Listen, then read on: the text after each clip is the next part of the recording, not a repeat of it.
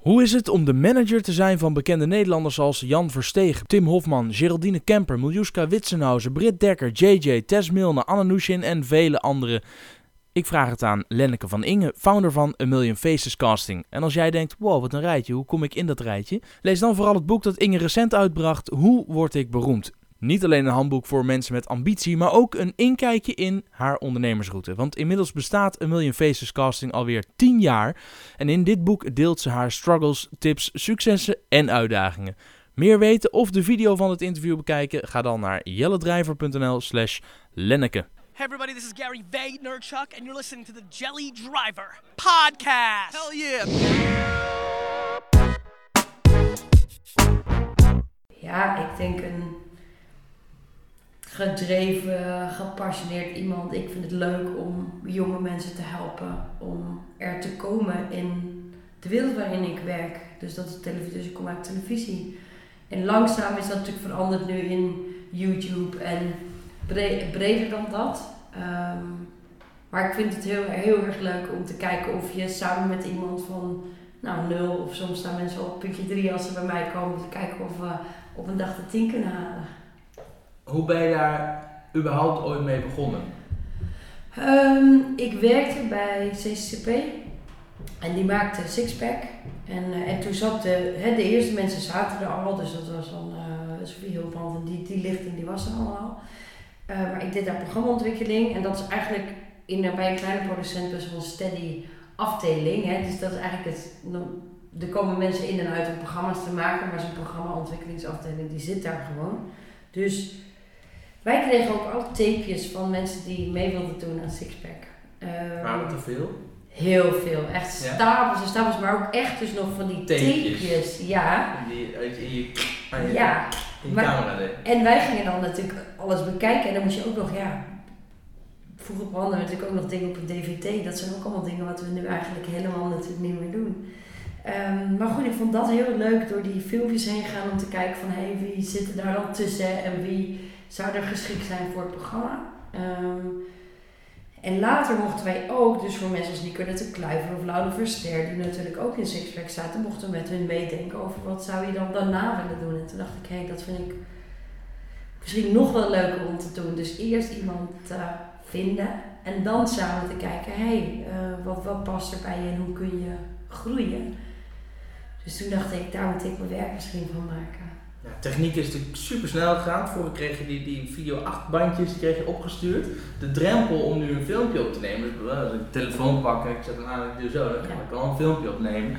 Krijg je nu nog meer beeldmateriaal onder ogen dan vroeger? Ehm, nou, voor mijn gevoel niet. Dus het is wel makkelijker geworden, maar het is ook nog steeds best wel toch een hoge drempel om het ook echt filmpjes te gaan maken.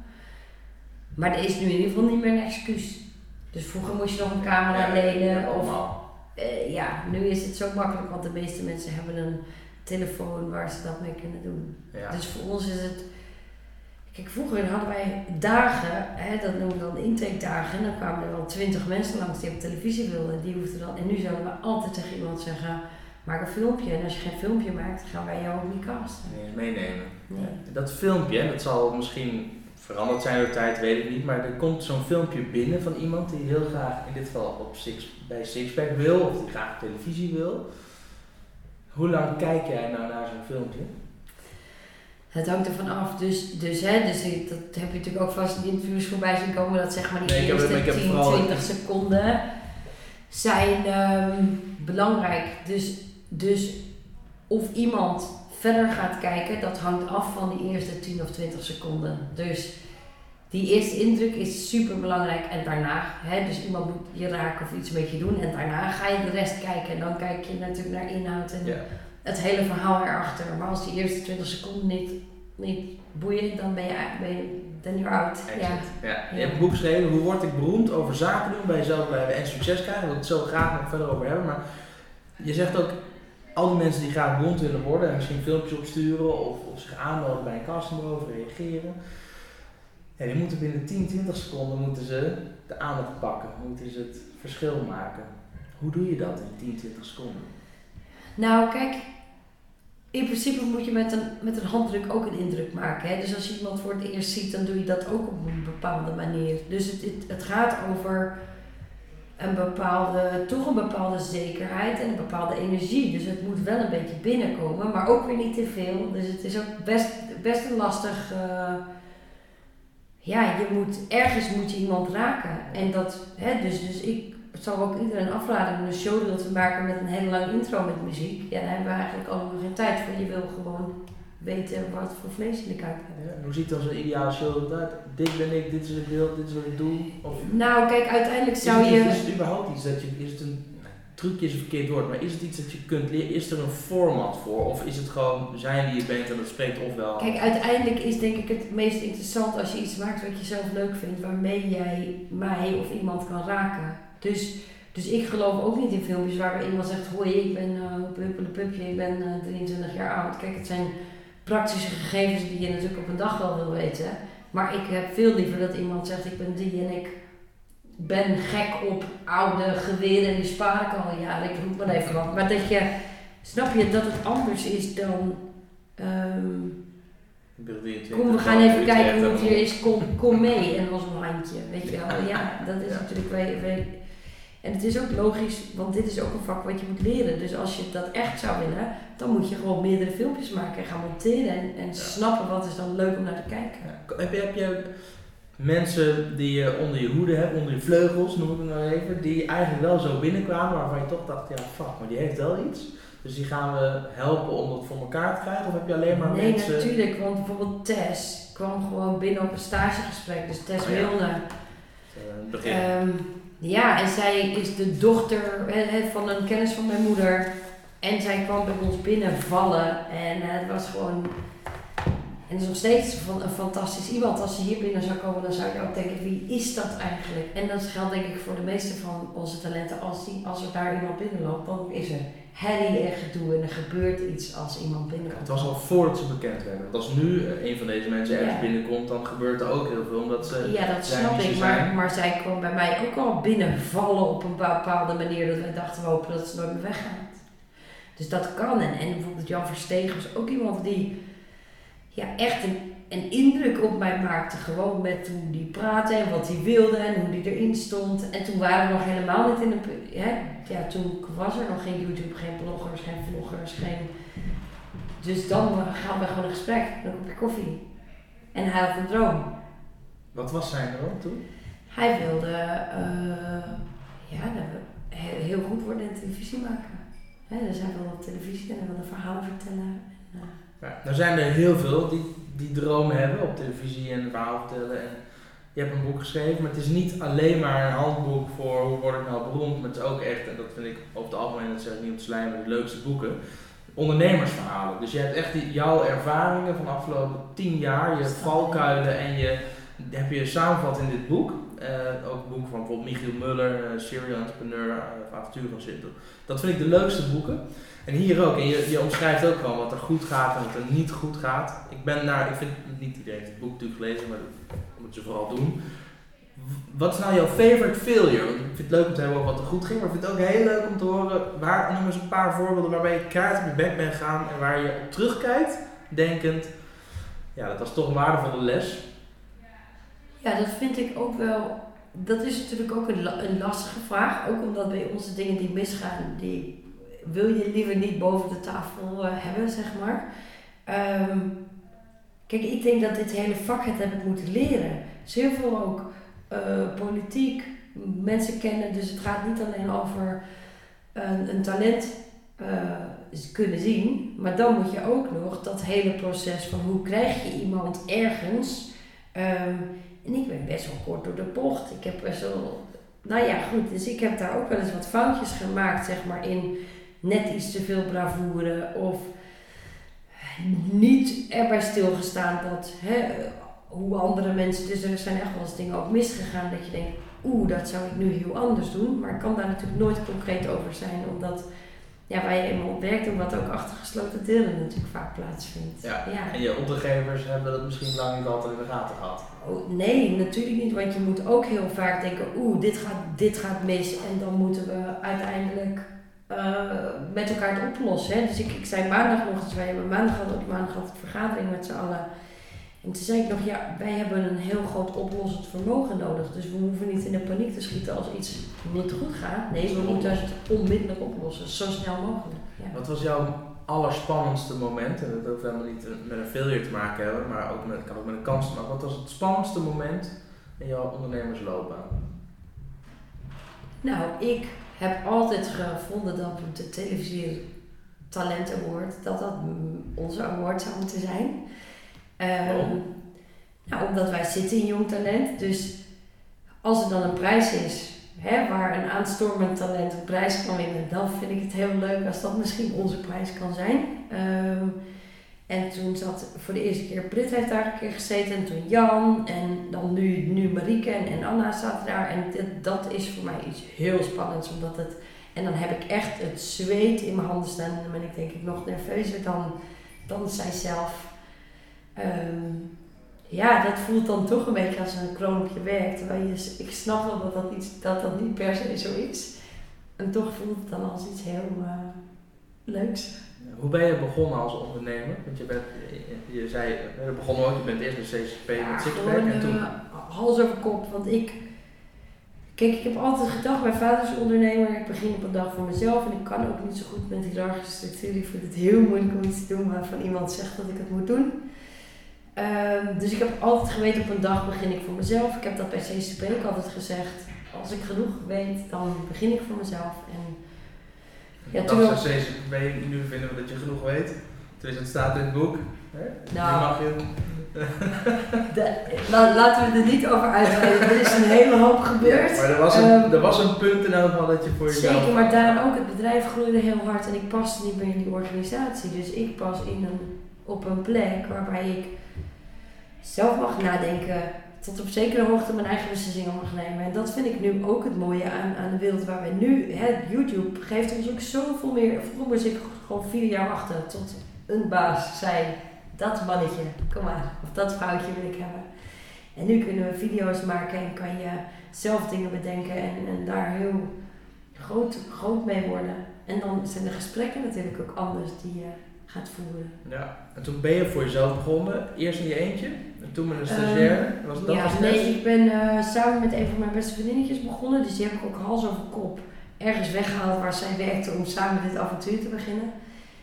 En zij kwam erachter dat het ondernemen voor haar op dat moment in ieder geval niet was wat, hè, waar zij gelukkig van werd. Um, ja, ik ben blijkbaar iemand toch met een beetje een een bord voor je kop. Gaan voor wat je hebben wil. En ja, ik heb natuurlijk helemaal niet bij stilgestaan. Want in het begin konden wij helemaal geen geld verdienen. Want prestatoren die net beginnen, die verdienen heel weinig. Dus dan heb je een percentage van heel weinig, schat weinig.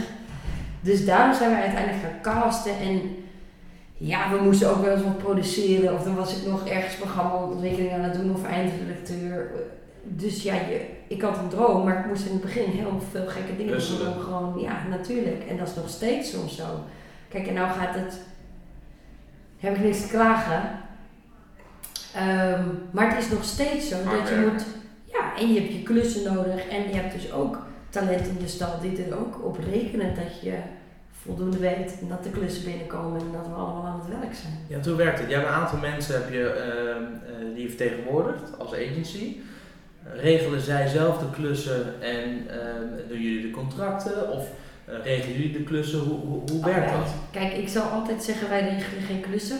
Uh, omdat het niet in de basis van ons werk is. Hè. Dus als agent doe je inderdaad contracten.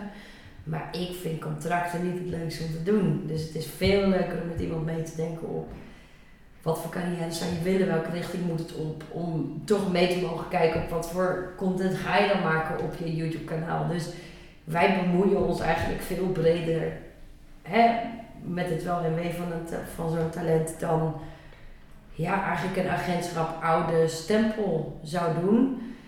En klussen komen eigenlijk via twee wegen. Ik zeg altijd, we zijn zakenpartners. Dus en hoe groter iemand wordt, hoe eerder je ook zelf wordt gebeld. Maar het is wel, we zitten samen in de boot. dus of die klus nou hier binnenkomt of bij iemand anders, dan is het ja, onze klus. Ja, het is wel gangbaar, dus stel ik bel uh, Jan, uh, joh, zou je programma willen presenteren? Dan zegt Jan, dan wil ik heel graag bel Lenneke, dan gaan we dat samen doen. Ja. Dus alles gaat via... Alles loopt via ons. Ja, Ja. dus eigenlijk alle commerciële deals, alle programma's, eh, programma-aanvragen, alles wat pers, alles loopt via, via dit kantoor. Dan kan ik me voorstellen dat er misschien wat ondernemende talenten tussen zitten denken, ja, dat kan ik toch zelf ook, die onderhandelingen. Ehm, Wat is dan, Nou, is ik denk ook dat er een aantal zijn die dat heel goed zelf kunnen. Dus sommigen zeggen ook heel duidelijk nee, geld, dat vind ik niet. Maar dus ik wil over inhoud gaan en ik vind het prettig om, nou ja, goed de inhoud eerst te kunnen laten doen. Dus ik heb iemand nodig die mij kan helpen met de, gewoon de afspraken straks zetten. Dus dat is ook nog zo dat een contractonderhandeling is niet altijd het, het makkelijkste stukje. Dus eigenlijk wil je als talent ook gewoon een goede band hebben met jouw opdrachtgever of met degene met wie je het programma gaat maken. Dat je de lastige dingen over Kun je een beetje afschuiven, ja. Dus ik denk dat dat iets heel slims is. Maar wij hebben er ook een aantal tussen, zoals natuurlijk Anna Nushin of Yara. Dat zijn zelf ook ondernemers, maar daar merk je wel dat wij elkaar kunnen versterken. Dus dat als je samenwerkt, dat je ook ja, misschien 1 en 1 is 3 Ja. krijgt. Ja. Heb ik Anna ook een keer geïnterviewd. Eh, toen had ze net het boek eh, On Top geschreven. Is dat dan bijvoorbeeld ook iets wat jullie bedenken? Nou, misschien moet je een boek gaan uitbrengen. Toen ik eh, met Anna ging werken, was ze al bezig met het boek.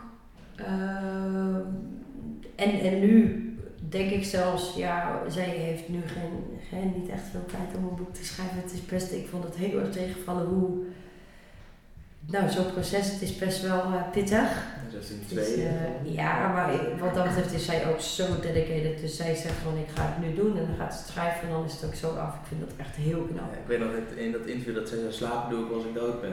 Is- Ja, nou dat doet ze nog steeds. Sla- slapen doet ze natuurlijk wel, maar niet zoveel. Die werkt heel, heel erg hard. Weet heel goed wat ze wil. Ja.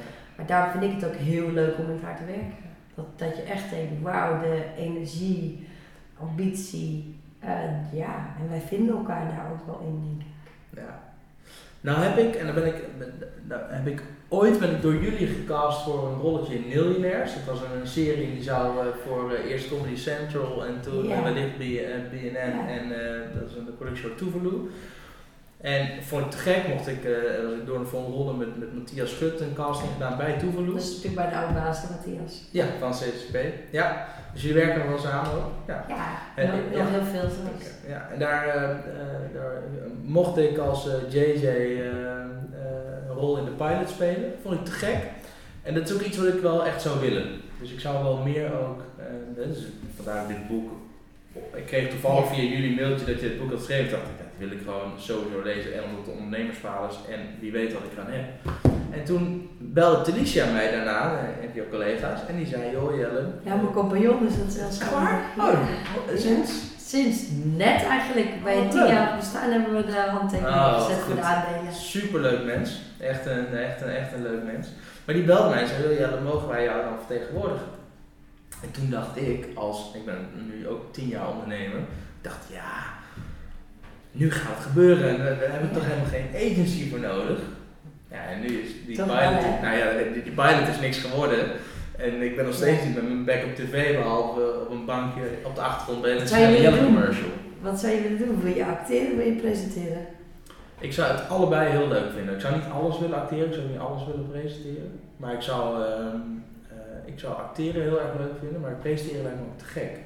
Ja, Ja, want kijk, voor, voor acteren moet je... Kijk, wij doen wel steeds meer ook series. En we zijn nu weer een, ehm, een nieuwe serie aan het doen voor NPO 3. Maar eigenlijk moet je voor acteren echt nog steeds bij Camera zijn. Het is gewoon echt de grote speler in de markt. en dat is weer waar de compagnon waar je mee begonnen bent nu zit, toch? Ja, zij is, daar, zij is daar net weg, maar zij is daar gaan, eh, gaan werken. Dus zij ja, het is een ongelooflijk goede casting director. En heeft ook echt een neus voor talent. Maar minder zin in dat ondernemen, want dat, Ja. dat vraagt ook nogal wat van je leven eigenlijk. hè. Ja. Maar sorry, wel, ik onderbrak je camera.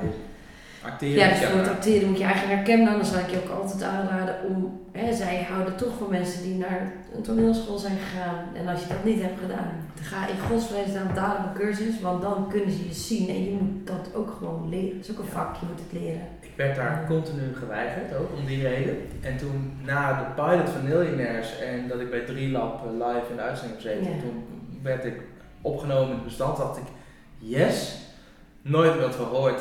Dus ik ben ben Ja, wel opgenomen ja zo bestand, kan dat maar natuurlijk gaan. Dus wij hebben ook een heel groot bestand. Er zullen ook heel veel mensen niet gebeld worden tot de dag komt dat het ineens dat je denkt, hé, hey, als je wordt uitgenodigd voor een casting, dan heeft iemand een reden om te denken, hé, hey, je, je past in het plaatje. Ja. Ehm, en voor het presenteren, ja, dan kan ik je alleen maar zeggen, kijk, dit soort dingen helpt natuurlijk wel. Hè, dus het interview, ik weet niet welke kant je op wil, maar uiteindelijk zul je moeten laten zien eh, wie je bent en wat je kan. Ja. En dat kun je in, ja, bij ons alleen maar doen door filmpjes te maken. En niet één, maar een heleboel. En Ja. beter te worden en te weten wat, wat je pad is. Maar dan is dit boek natuurlijk ook. Ja, dan zal ik niet aan jou vragen, omdat ik heb tig filmpjes op mijn YouTube kanaal staan. Ja. Vooral heel veel interviews met ondernemers. Dat Ja. vind ik het allerleukste, dus daar zou ik ook wel iets mee willen. Eh, Ik heb eens gedacht op eh, misschien de, de, de, eh, een, programma rondom de quote 500 om echt inhoudelijk in gesprek te gaan met die ondernemers. En Ja. juist op zoek naar de 100 favorite failures van al die ondernemers. Daar een item, dat lijkt me heel tof, de favorite failure van, zoiets. Maar ehm, adviseer je dan om een soort showreel zonder een hele lange intro te maken van al die interviews die ik al gedaan heb? Of, Ja, ja, dus in principe is dat het makkelijkst. Als je een filmpje maakt dat echt niet langer mag zijn dan twee minuten. ja, Want anders, hè, dus wat je wil is eigenlijk stoppen op het hoogtepunt. ja, Het is niet dat iemand denkt, het zelf uit gaat zetten. Kan alsnog gebeuren hoor, met twee minuten, maar hou het kort. ja. Kort en juicy. Ehm, ja, en dan denk ik wel dat dat... Het is een onderwerp wat op televisie geen, geen plek kan hebben Nee. natuurlijk. Maar het is een hele, hele mooie niche om, om in verder te bouwen.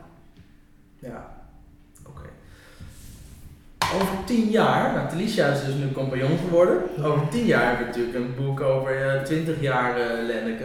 Eh, Ja. waar, waar, waar sta je op? Het is een dooddoener, maar ik ben toch benieuwd. Wat, ga je, wat gaat de komende tien jaar voor je brengen? Nou, kijk, ik, heb, ik ben nu heel erg bezig met na te denken over hoe gaat Miljoen Feesten zich ontwikkelen in, in deze nieuwe markt. Ehm, dus daar voer ik veel gesprekken over. Heb ik ook helemaal vorig jaar dus twee maanden naar Leen geweest om dit boek te schrijven. Maar ook om na te denken over, hey, waar gaat het nu naartoe? Hoe gaan we zorgen dat er over En tien jaar hier nog een wij bedrijf is? En ja. misschien wel een heel pand met allemaal mensen erin. Hè? Dus dat zou dan toch nog wel ergens een soort van droom zijn om, nou ja, goed, dat bedrijf nog wat steviger op de grond te zetten. Ehm, maar ik denk dat ik zelf steeds meer mee bezig wil houden met het ondernemen en ook met mijn talenten wil kijken, hey, hoe kunnen we nou bijvoorbeeld jouw beroemdheid omzetten in een bedrijf zoals het nu bijvoorbeeld met Tim zijn we natuurlijk een, eh, een eh, bijles, eh, huiswerk- en bijlesschool gestart met Tim Hofman samen. Kijk, dat lijkt mij heel leuk om dat te mogen toevoegen aan mijn portfolio. En dat er dan zeg maar, nou ja, allemaal vakjes zijn met bedrijven. Eh, Het is geen gezichten meer alleen, maar ook logo's. ja. ja, dat lijkt me leuk. En ik, ik heb natuurlijk, ik heb zelf een, een yogaschool en Million Faces en ik heb en nog twee andere vrienden hebben een pizzeria waar ik een, een stukje heb geholpen met de opstart.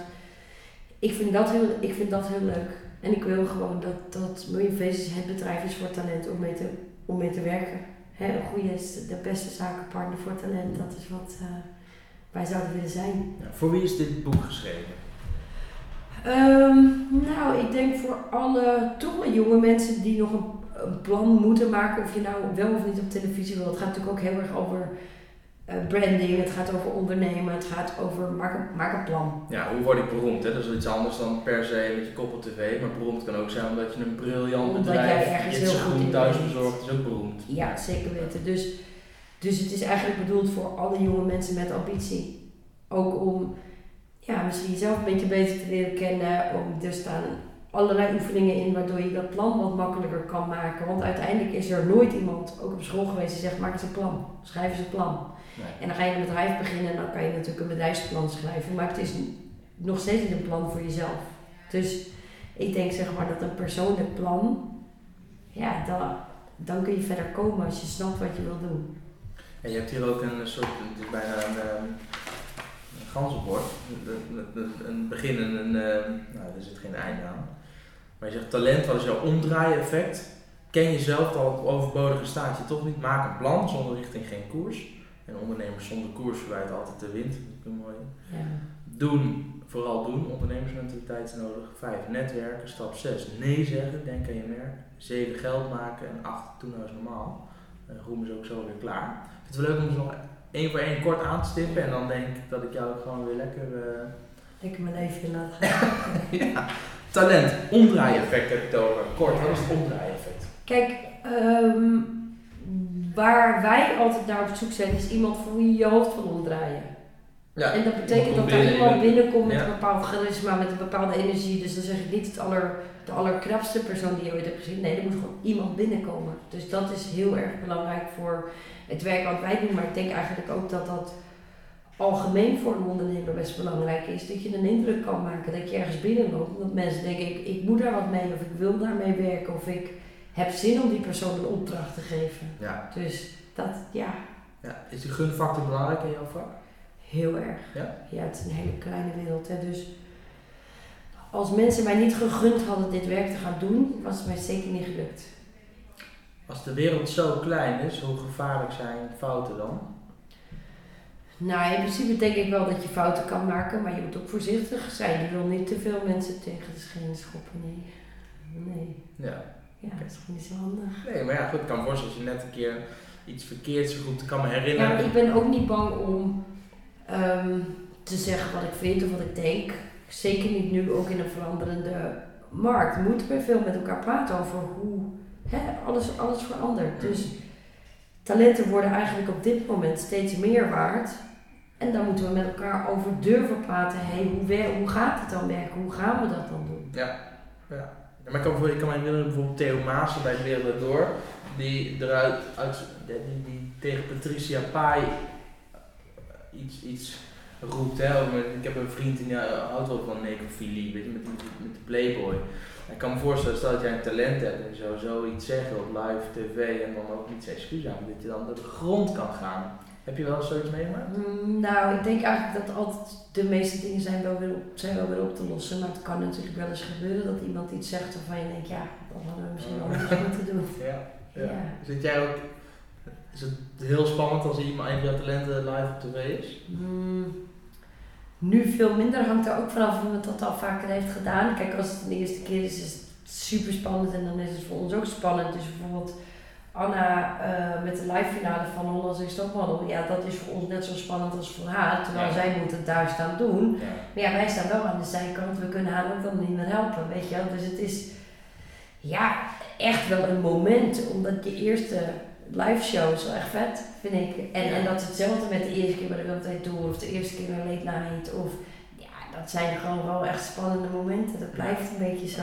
Daardoor juist heel leuk ook. Ja, of een interview over een, over een onderwerp wat je spannend vindt. Of, dus het hangt heel erg voor mij van de situatie af. Maar als Tim voor de 800ste keer bij de Wereldwijd Door zit, Dat geloof ik wel. ja, dan vind ik het nog steeds leuk om af en toe mee te gaan. Voor televisie nog steeds heel leuk. Dus ik kan nog steeds van een studio, weet je, ook een grote studio als de, de Voice of It. Dan denk ik echt, wauw, vind ik echt als een klein Ja. kind nog heel cool. Ja. En dan blijft ook het wereldwijd door of, of late night. Het heeft voor mij televisie nog steeds iets magisch. Dat is niet Ja. weg. Ja, nee, snap ik. Ik had het met Millionaires, was eigenlijk de eerste keer op een set waarbij ik een van de, eh, ja, van de hoofdpersonages was. Ja, dat vond ik, ik heb, dat vond ik zo gaaf. Ik heb daar staan genieten en met, met, met, alle camera's en de hele entourage en alles erop en eraan. Ja, dat, is, dat heeft een bepaalde energie, ik snap het wel. Ja, Ja. heel cool. Ken jezelf, want al het overbodige staat je niet. Dus ken jezelf, maar ook ja, eh, jezelf zijn. Ehm, Ja, zijn er veel denk... mensen die ehm, voor een camera een trucje gaan doen ja. of heel eh, geforceerd gaan doen? Ja, en, en daar moet je wel voor uitkijken. Kijk, uiteindelijk moet je het gewoon toch proberen dicht bij jezelf te houden, want anders hou je het ook niet vol. En dat is hetzelfde dat, tuurlijk mag je wel eens wat aanzetten. Ik moet ook wel eens wat aanzetten in een gesprek wat ik moeilijk vind of waarbij we iets voor elkaar moeten krijgen. Dat je, nou ja, net een extra laagje van jezelf nodig hebt. Maar het is denk ik prettig om het zo dicht mogelijk bij jezelf te Ja, want je zegt je het niet vol. Ja. Plan maken, heb het al over gehad. Dus Nou, en het, het stoort mensen ook. Hè. Als je jezelf niet bent, dat voelen mensen natuurlijk ook. Ja. Dat is wel niet prettig. Het is niet nou, prettig om naar te kijken. iemand te kijken is geen zak aan. Nee. Plan maken, heb het over gehad. Doen. Zijn er mensen die te veel blijven hangen in plannen maken? Ja, ja, want heel veel mensen zijn natuurlijk perfectionistisch. En dat is goed, maar je kunt dit alleen maar leren door het te gaan doen. Dus je kan nog een keer, is dit wel het goede idee? Nee, je moet het gewoon gaan doen. Je, ja, je moet het gaan monteren. Je hoeft het niet de eerste keer aan iemand te laten zien. Maar dan moet je ook natuurlijk wel een keer gaan doen, want dan kan iemand anders met je meedenken, met je meekijken en zeggen: hé, hey, misschien zou je het zo kunnen doen. En dan nog, ik denk dat elke presentator, hoe groot ook, hè, dus, dus een Linda de Mol of een Matthijs of een Eva Jinek, als die hun eerste filmpje gaan kijken, denken ze, oh mijn god, Ja. dat hoort er ook een beetje bij. Ja. Dus, dus ik denk altijd, je kan maar beter, kijk, het is wel goed om te weten wat je wil gaan draaien. Hè? Dus ik ben ook geen voorstander van om maar gelijk te gaan draaien. Je moet wel een plan hebben en een script maken. Ehm, maar je moet niet blijven hangen in die ideefase en dat te lang laten, laten duren. Gewoon doen. Dat is hetzelfde met het starten van een bedrijf. Je kunt er overal een gat in schieten. Dan doe je het niet. Als je er echt goed over nadenkt, Ja. denk ik echt dat 9 van de 10 keer stop je ermee. Ja. Ik heb Boris Veldhuis van Zanten geïnterviewd en die heeft gewoon op kantoor heel groot op de muur staan, fuck it, we'll do it live. En hun visie is ook, we gaan erover nadenken, we gaan er ook goed over nadenken. En als ze denken, nou, dit is wel wat, dan gaan we het gewoon doen. Ja. En dan rollen we het uit en dan vallen er vanzelf klanten over ons heen en zeggen, nou dit vind ik echt niet handig. En dan denk nee, verrek, hadden we niet over nagedacht. En dan gaan we dat doorvoeren. Ja. In plaats van drie jaar wachten tot wij gaan denken voor die Ja, een perfect plan bestaat niet. Nee. Echt niet. Gewoon doen. Vijf, netwerken, alleen is het alleen. Ja, eh, netwerken binnen deze wereld. Daar heb ik ook wel eens mensen gehoord die zeggen, nee, maar je moet eigenlijk elke twee weken even die castingbureaus allemaal nabellen. Nee. En- nee Wat is netwerken in, in Kijk. deze wereld? Netwerken in mijn wereld is toch proberen naar feestjes te gaan. eh, Zelf mensen te leren kennen. Een, een gesprek, een handdruk, het doet zoveel. Snap je, dat kan zoveel voor je doen. Iemand ontmoeten en oprecht vertellen wat je wil.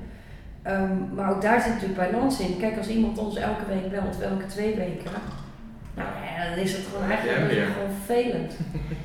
Ja, we, hebben- we zijn natuurlijk hartstikke druk, maar wel, ja, nieuwe foto's, ja. Ja. Minimaal één keer per jaar die showreel aanpassen en opsturen, zeker, weet je wel. Dus er zijn duizend natuurlijke contactmomenten te bedenken waar wij blij mee zijn. Want een nieuwe showreel betekent eigenlijk gewoon meer kans om hè, iemand ergens weg te zetten. Nieuwe foto's betekent dat wij niet bij een klant iets slechts laten zien omdat je er inmiddels anders uitziet. Dus ook met castingbureaus kun je prima goed contact houden. ja, maar koppel Op een manier die, aan. die niet storend Ja. hoeft te zijn. Kijk, bellen of bellen of we al iets weten eh, van een casting. Nee, dat hoor je vanzelf. Eh, Dan hadden we je wel gebeld. Als we het hadden geweten, hadden we je gebeld. Snap je? Dus, maar goed, ik snap ook hoe lastig het is als je thuis zit en denkt, ik weet niet waar ik moet beginnen. Maar ja, op dit moment denk ik dan, ga maar filmpjes maken. Ja. En dat kan nooit kwaad. Nou heb ik een, een, een neefje, of een, eigenlijk via de schoonfamilie, een neefje, Siem, klein jochie. En die, eh, een heel guitig ventje, en die wil heel graag, ik weet niet hoe oud hij is, volgens mij een jaar of, nou ik denk 10, 11, 12. Waar moet zo'n Siem van die leeftijd nou beginnen? Is dat eh, moeder Anne, of is het ook Nee, gewoon filmpjes bij gaan maken? Dus wij hebben ook een, een Million Kids. Dus we casten kinders, kinderseries. We zijn bezig met een aantal YouTube kanalen waar we ook kinderen voor casten. Dus Gewoon inschrijven, gewoon inschrijven. En ook moeder Anne hoor. Dus ik zou ook altijd denken, schrijf je nou in bij al die castingbureaus, want iedereen er klussen. Ja. Dus het is ook belangrijk om dat wel, om dat juist te doen. Niet één ding kiezen. Ja, maar wel gewoon doen. Dus Siem, als je zit te kijken, ik heb het al twintig keer gezegd, ga nou eens een keer foto's maken en schrijf je gewoon in. Je hoort het, ze hebben je... Ja, maar ook daar filmpjes maken. Ja, Ook hij kan filmpjes maken. zeker. En dat, Snap je? Dus ook al ben je tien. Prima, ja. Ja, Zeker die generatie is opgegroeid met filmpjes maken, met selfies, met... Snap je? Die kunnen ook allemaal makkelijker dat monteren onder de knie krijgen. Hoe je ermee begint, hoe beter dat denk ik is. oké, nee zeggen. Ja. Kijk, uiteindelijk, als je een plan hebt, dan is het ook fijn als je... eh, als je blijft snappen als kijker of als fan of als wij, dat we snappen wat je, wat je gaat doen. Dus ik geloof er niet in dat je aan de ene kant bij, bij Poot kan werken, wat gewoon best wel serieuze-achtige journalistiek is. Hè? Dus er worden in ieder geval vragen gesteld. Dan kun je niet aan de andere kant een eh, tv-makelaar gaan doen. Snap je? Dus Ja. dat ligt dan voor mij zo ver uit elkaar dat ik niet meer snap wat jij, wie je bent. En dat is nu ook bijvoorbeeld zo met bij hè, onze talenten werken natuurlijk heel veel mee aan wat we noemen de BN'er-programma's. Maar ook dat mag niet ineens je werk worden. Dus het is prettig als je gewoon ook nog programma's maakt. En, en niet verzandt in van tv-programma naar tv-programma hoppen. Ehm, dan heb ik liever dat je zoals Brit hè, een, een paar YouTube-kanaal begint wat bij je past. Waardoor ik haar ook weer makkelijker kan verkopen. Want mensen nemen haar nu ook natuurlijk veel meer serieus als je snapt dat dat helemaal uit haar gekomen Ja. is. Ja. Ja. Oké. En dan de laatste normaal doen. Ja, moeten we allemaal. Snap je? Dat moet ik ook. We, uiteindelijk zijn we allemaal maar, maar mensen en het duurt zo lang als dat het duurt. Ehm, en soms is het moeilijk om door de roem niet te denken dat je beter bent dan andere mensen. Hoe vervelend is eh, beroemd zijn? Hmm, ik, ik zou het echt nooit willen zijn. Het is niet iets wat Waarom heel erg leuk willen is. zijn? Want jij helpt anderen wel met te worden. Ja, dat snap ik, maar het is natuurlijk een, ehm, een onderdeel van mijn werk. Dus als iemand beroemd is geworden, mogen we ook meer. Dan mogen we andere programma's maken, dan gaan de deuren open. Dan. Dus het is een noodzakelijk kwaad eigenlijk voor het werk wat wij doen. Ehm, het is helemaal niet leuk als alle mensen weten wie je bent. Nee? Als je nooit op een terrasje kan zitten en met iemand een gesprek kan voeren zonder dat er iemand nog een foto wil maken en het hoort echt bij je werk. Dus je kan ook niet zeggen, nou nu even niet. Nee. Want die persoon die komt jou één keer tegen en die denkt, oh mijn god, hier is mijn idool. Die zie ik Ja. het echt. Ik ga zeggen hoe fantastisch ik deze persoon vind. Dus privacy En zonder is... die mensen was jij ook niet waar Nee, je... totaal niet. Maar je privacy is wel Goed. eraan. Zeker weten. En dat Ja. gaat ook niet meer zo snel weg. Want als je bijvoorbeeld kijkt naar Tricia, die heeft natuurlijk Spanga's gedaan. En het is tien jaar geleden. En nog steeds. En nog steeds wordt zij dagelijks aangesproken daarop. Dus het is ook niet iets dat verdwijnt. Maar heel makkelijk. Ja, we hebben van de week een programma met Gordon. En die vertelde dat hij het allerliefste ergens in het buitenland is in Zuid-Afrika. Omdat hij daar gewoon nog... Je moet zeg maar fucking Zuid-Afrika om jezelf te kunnen zijn. Ja, en daar, en daar komt hij ook Nederlandse mensen tegen. Die zeggen, zeggen, hey, jij hier. Ja. Tuurlijk, en iedereen weet wie hij is. Ja. ik denk dat er heel weinig mensen zijn in Nederland die niet weten wie Gordon is. Maar je adviseert jouw talenten in dit geval om op dat terras altijd je glimlach op te houden. En te beseffen dat je voor het vak hebt gekozen. En die selfie te maken met Nou ja, je mag ook, ik zeg ook wel eens, jongens, we hebben even geen tijd, we moeten door. Of weet je, je mag heus wel ergens je eigen grenzen aangeven. Maar ja, je moet ook bij stilstaan dat dit, is ook, dit zijn de mensen waarvoor je het doet. Ja, ja. Ja. En dat is waarom jij zegt, ik zou nooit beroemd willen zijn. Nee, het past ook niet zo, het past ook niet zo bij me. Dus ik vind ehm, het ook niet leuk om op een podium te staan. Of ik kan prima met jou een gesprek voeren. Dan denk ik niet zo heel veel na over dat daar een cameraatje Ja. staat. Ja. Dat lukt me nog wel. Maar bijvoorbeeld op een podium voor heel veel mensen dat ziet wat ik helemaal niet prettig vind. Nee? Of praten voor een groep. Of nee, ik Eigenlijk best bijzonder vind ik dat jij zegt dat, dat, dat jij voor een camera staat voor een hele grote groep, dat jij Ik daar het niet prettig omdat ik het idee heb dat ik dan mezelf niet kan blijven. Dus op het moment dat iemand een camera of een fotocamera of een filmcamera op mij richt, dan heb ik dus het gevoel, kijk, nu kan ik focussen op jou en ik kan prima met jou een gesprek voeren. Maar zodra ik denk, oeh, dan heb ik het idee dat er een soort laagje van me af wordt gepeld. Hm. En dan kan ik niet zijn wie ik wil zijn. En dat vind ik dus niet prettig, ik er een beetje onzeker van. En dat vind ik helemaal niet, een- niet een leuk gevoel. Nee. Dus jij wil liever beroemd achter de schermen dan voor de schermen. Ja, ik vind dit helemaal, helemaal top, want gisteren was ik naar MTV Awards. Ik mag allerlei leuke feestjes en allemaal dingen meemaken, maar ik ben zelf dat niet. Maar je kan nog steeds op een terrasje zitten. En ik kan gewoon twee keer dezelfde jurk aandoen als ik ergens naartoe ga. Ik hoef daar niet echt super veel over na te denken. Ik dacht gisteren eigenlijk, joh, doe een jurk aan en doei. Maar ja, ja, ik Anna vind dat het doet. ook fantastisch. Ja, maar dan, als ik dan kijk naar Anna, of ik dan gisteren Monica Geuze, was ik ook, iedereen ziet er fantastisch uit, dat vind ik echt leuk. Maar ik ben ook blij dat ik dat dus niet hoef te zijn. Dat niet die aandacht zo op mij ligt dat ik drie uur stress heb over wat ik aan moet doen. Ja. Zijn er talenten die die stress ook gewoon niet hebben, die denken, fuck it, ik trek aan waar ik me happy in voel? Ik kan me voorstellen dat Tim zo iemand is, maar misschien is dat ook, is die ook gewoon heel goed gestyled.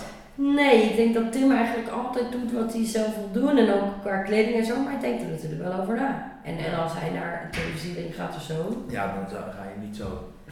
Nou, dan denk je daar dus wel een beetje over na. En de een doet dat meer dan de ander. Want dat past er ook meer, meer bij. Om daar, hè, dus Anna bijvoorbeeld. Ja, dat hoort bij haar hele... Tuurlijk. Weet je wel, je wil ook dat zij er te cool uit, snap je? Dat ze er zo fantastisch uitziet.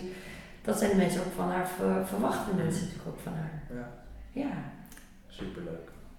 Laatste, één laatste vraag. Heb jij nog boeken waar je zelf inspiratie uit hebt gehaald, die je kan aanbevelen? Ehm goeie vraag. Ik vond toch eh 365 dagen, wat is het, succesvol, het niet zo, gelukkig. Oké. Dat, ja, dat zijn twee jongens en die doen ook allemaal van die seminars. Die hebben een boek geschreven over eigenlijk het heft in eigen handen pakken en, plan maken. Dus dat spreekt mij heel erg aan, omdat dat iets is wat voor mij heel erg past bij hoe ik ben en hoe ik in het leven sta. Dus dat vond ik een heel interessant boek. Ehm, en ik lees natuurlijk nog wel meer boeken. Ik heb net een, ehm, afgelopen jaar een, een cursus gedaan. Uh, en dat ging, dat was voor het Go Fast Forward. En het is voor ondernemers met een bedrijf dat hard groeit. Dus je kan daar ook alleen aan meedoen als je bedrijf door een bepaalde omzet is heen gegaan. En, uh, en daar heb ik een boek, een boek gelezen dat heet Scaling Up. Hm. En dat kan ik niet 100% toepassen in mijn bedrijf, maar het is wel voor mij heel interessant om. Ik ben er nooit, nooit naar school geweest om te snappen hoe zo'n bedrijf moet groeien, wat daarvoor nodig is. Dus het is voor mij heel leuk geweest om, om extra kennis op te doen en daar ook nu heel veel dingen van te gebruiken. Ja. ja. Te gek.